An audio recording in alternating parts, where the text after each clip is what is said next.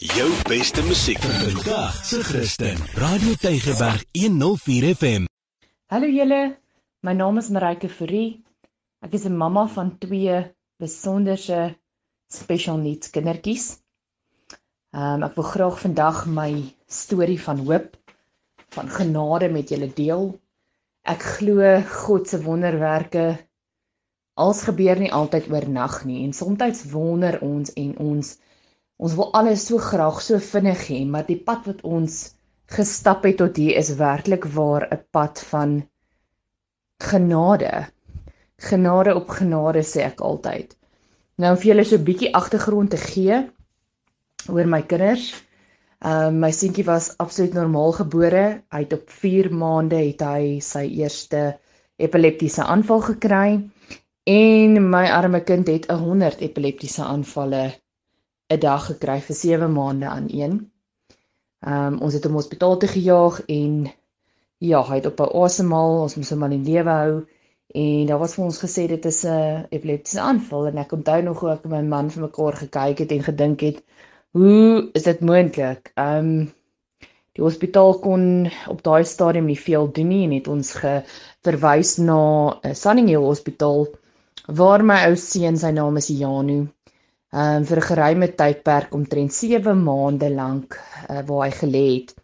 Hulle het al wat 'n toets op my kind gedoen. Hulle het al wat 'n epileptiese medisyne is op hom probeer en ja, dit het maande en maande en maande gevat en dit het regtig nie 'n groot verskil gemaak in die hoeveelheid aanvalle wat hy gekry het 'n dag nie.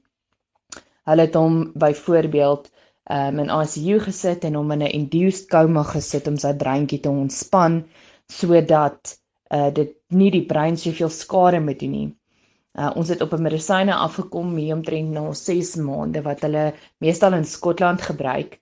Um, en dit begin gee vir Jano en dit het sy aanvalle verminder van so 100 na 30 gedag toe.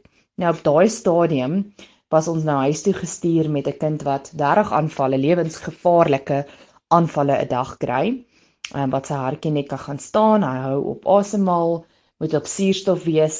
Ehm um, nou kan jy net dink daai stadium jy's nou nuwe ouers, jy het 'n jy weet dis eerste kleinkind in die familie en hier word hierdie maat totaal en al onder jou uitgeruk. So op daai stadium was dit al vir my soos Here, ek verstaan nie wat jy besig is om te doen hierso nie. Dit maak nie vir my sin nie. En soos die jare aangegaan het, kan ek vir jou sê dit was 'n pad van baie worsteling. Dit was 'n pad van bitterheid. Dit was 'n pad van wat mense regtig gewonder het, wat is die doel met alles? En oor die jare het ons agtergekom daar daar's fout met hom. Ehm um, jy weet hy het autistiese neigings, daar's 'n bietjie Rett sindroom ehm um, gevolge en so aan en ek het begin oplees en ek het begin navorsing doen om self my eie kind te probeer help. Ehm um, hy word nou hierdie jaar 8 en hy is non-verbal, so hy kan nie praat nie. Hy kan nie loop nie. Hy's op doeke, hy drink titi bottles. Maar as ek vir jou sê there is something about Janu, ek sê altyd, ehm um, as ek nou vir julle net hierdie getuienis kan deel. Ek het altyd vir my man gesê toe ek swanger was, ek wil nie hê my kind moet 'n blou kamer hê nie, ek soek 'n groen kamer. En ek wil hê sy kamer moet nie karretjies wees nie, dit moet skapies wees. En ek het ek onthou nog ons het 'n vers in sy muur gehad wat sê dat ek het jou geroep om 'n profeet te wees oor die nasies. Um en die eerste suster in ICU wat vir hom gebid het en aan sy voet geraak het, het gesê this is a little prophet of the Lord wat vir my snaaks is want hulle gebruik nie baie daai woord in vandag se tyd nie. En ja, uh die eerste pastoor wat vir hom kom bid het, het letterlik vir ons gesê hy het 'n visie gehad waar Janu in groen weivelde stap tussen skapies. En ek sê vir julle dis definitief nie toeval nie. As Janu in jou oë kyk, is dit vir my soos Jesus wat vir jou kyk. Hierdie kind het 'n liefde uh wat onbeskryflik wat so groot is. Um dat ek dit vir sal verruil vir niks in hierdie wêreld nie. So die jare verbygegaan en hulle het vir ons gesê omdat al die toetse skoon was, ons moet nog 'n kind hê en ek het 'n ou dogtertjie gehad. Ek het ehm um, weet my swangerskap was ek het ek toe nou bedank en ek was nou 9 maande by die huis om dinge hierdie keer anders te doen sodat ek nie daai stres weet dit was dalk die stres wat ek gehad het met my seentjie want nou begin 'n mens vir jouself vra wat het jy verkeerd gedoen hoekom jou kind nou so is. Vandag weet ek anderste, maar nietemin, daai 9 maande is ek toe nou by die huis met my dogtertjie, ag toe ek nou swanger was en rustige swangerskap gehad, ingegaan sy was beautiful, absoluut normaal. Al die toetse wat vooraf gedoen was, daai wat kon bepaal of dit nou Down syndroom is en so aan, het gewys dit is skoon. So op 4 maande, ehm um, ek onthou dit nog soos gister, het ehm um, sy haar eerste aanval gehad en ek onthou daai dag en daai oomblik wat ek gevoel het of ek kan sê Here, waarmee is jy besig? Hoekom gee jy nou nog 'n kind vir my wat nie reg is nie? Ehm um, nooit verstaan, ek het altyd hierdie visie en altyd hierdie woorde grace upon grace gehad en nooit kon ek dit verstaan nie.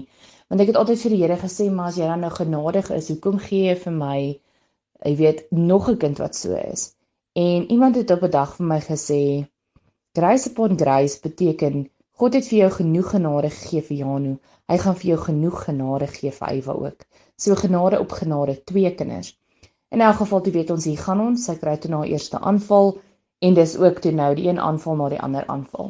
Gelukkig jy weet kon 'n mens haar vinniger help want ons het jy weet geweet min of meer watter tipe medisyne haar boetie deur was wat vir hom werk. Haar onmiddellik op dit gesit. Die pad was toe nou nie so maklik nie. Ek wou dinge heeltemal anders te doen. Ek het gesê ek wil nie hê sy moet 7 maande in die hospitaal hê nie um, ons het al byvoorbeeld ingevat ongevalle toe dan gaan sy op 'n drip en dan kom ons weer huis toe so die pad so bietjie anders te probeer stap maar die resultate op die einde van die dag is maar nog steeds dieselfde En ek moet vir julle sê, weet op daai stadium was dit vir my, dit het my hart grond toe geruk.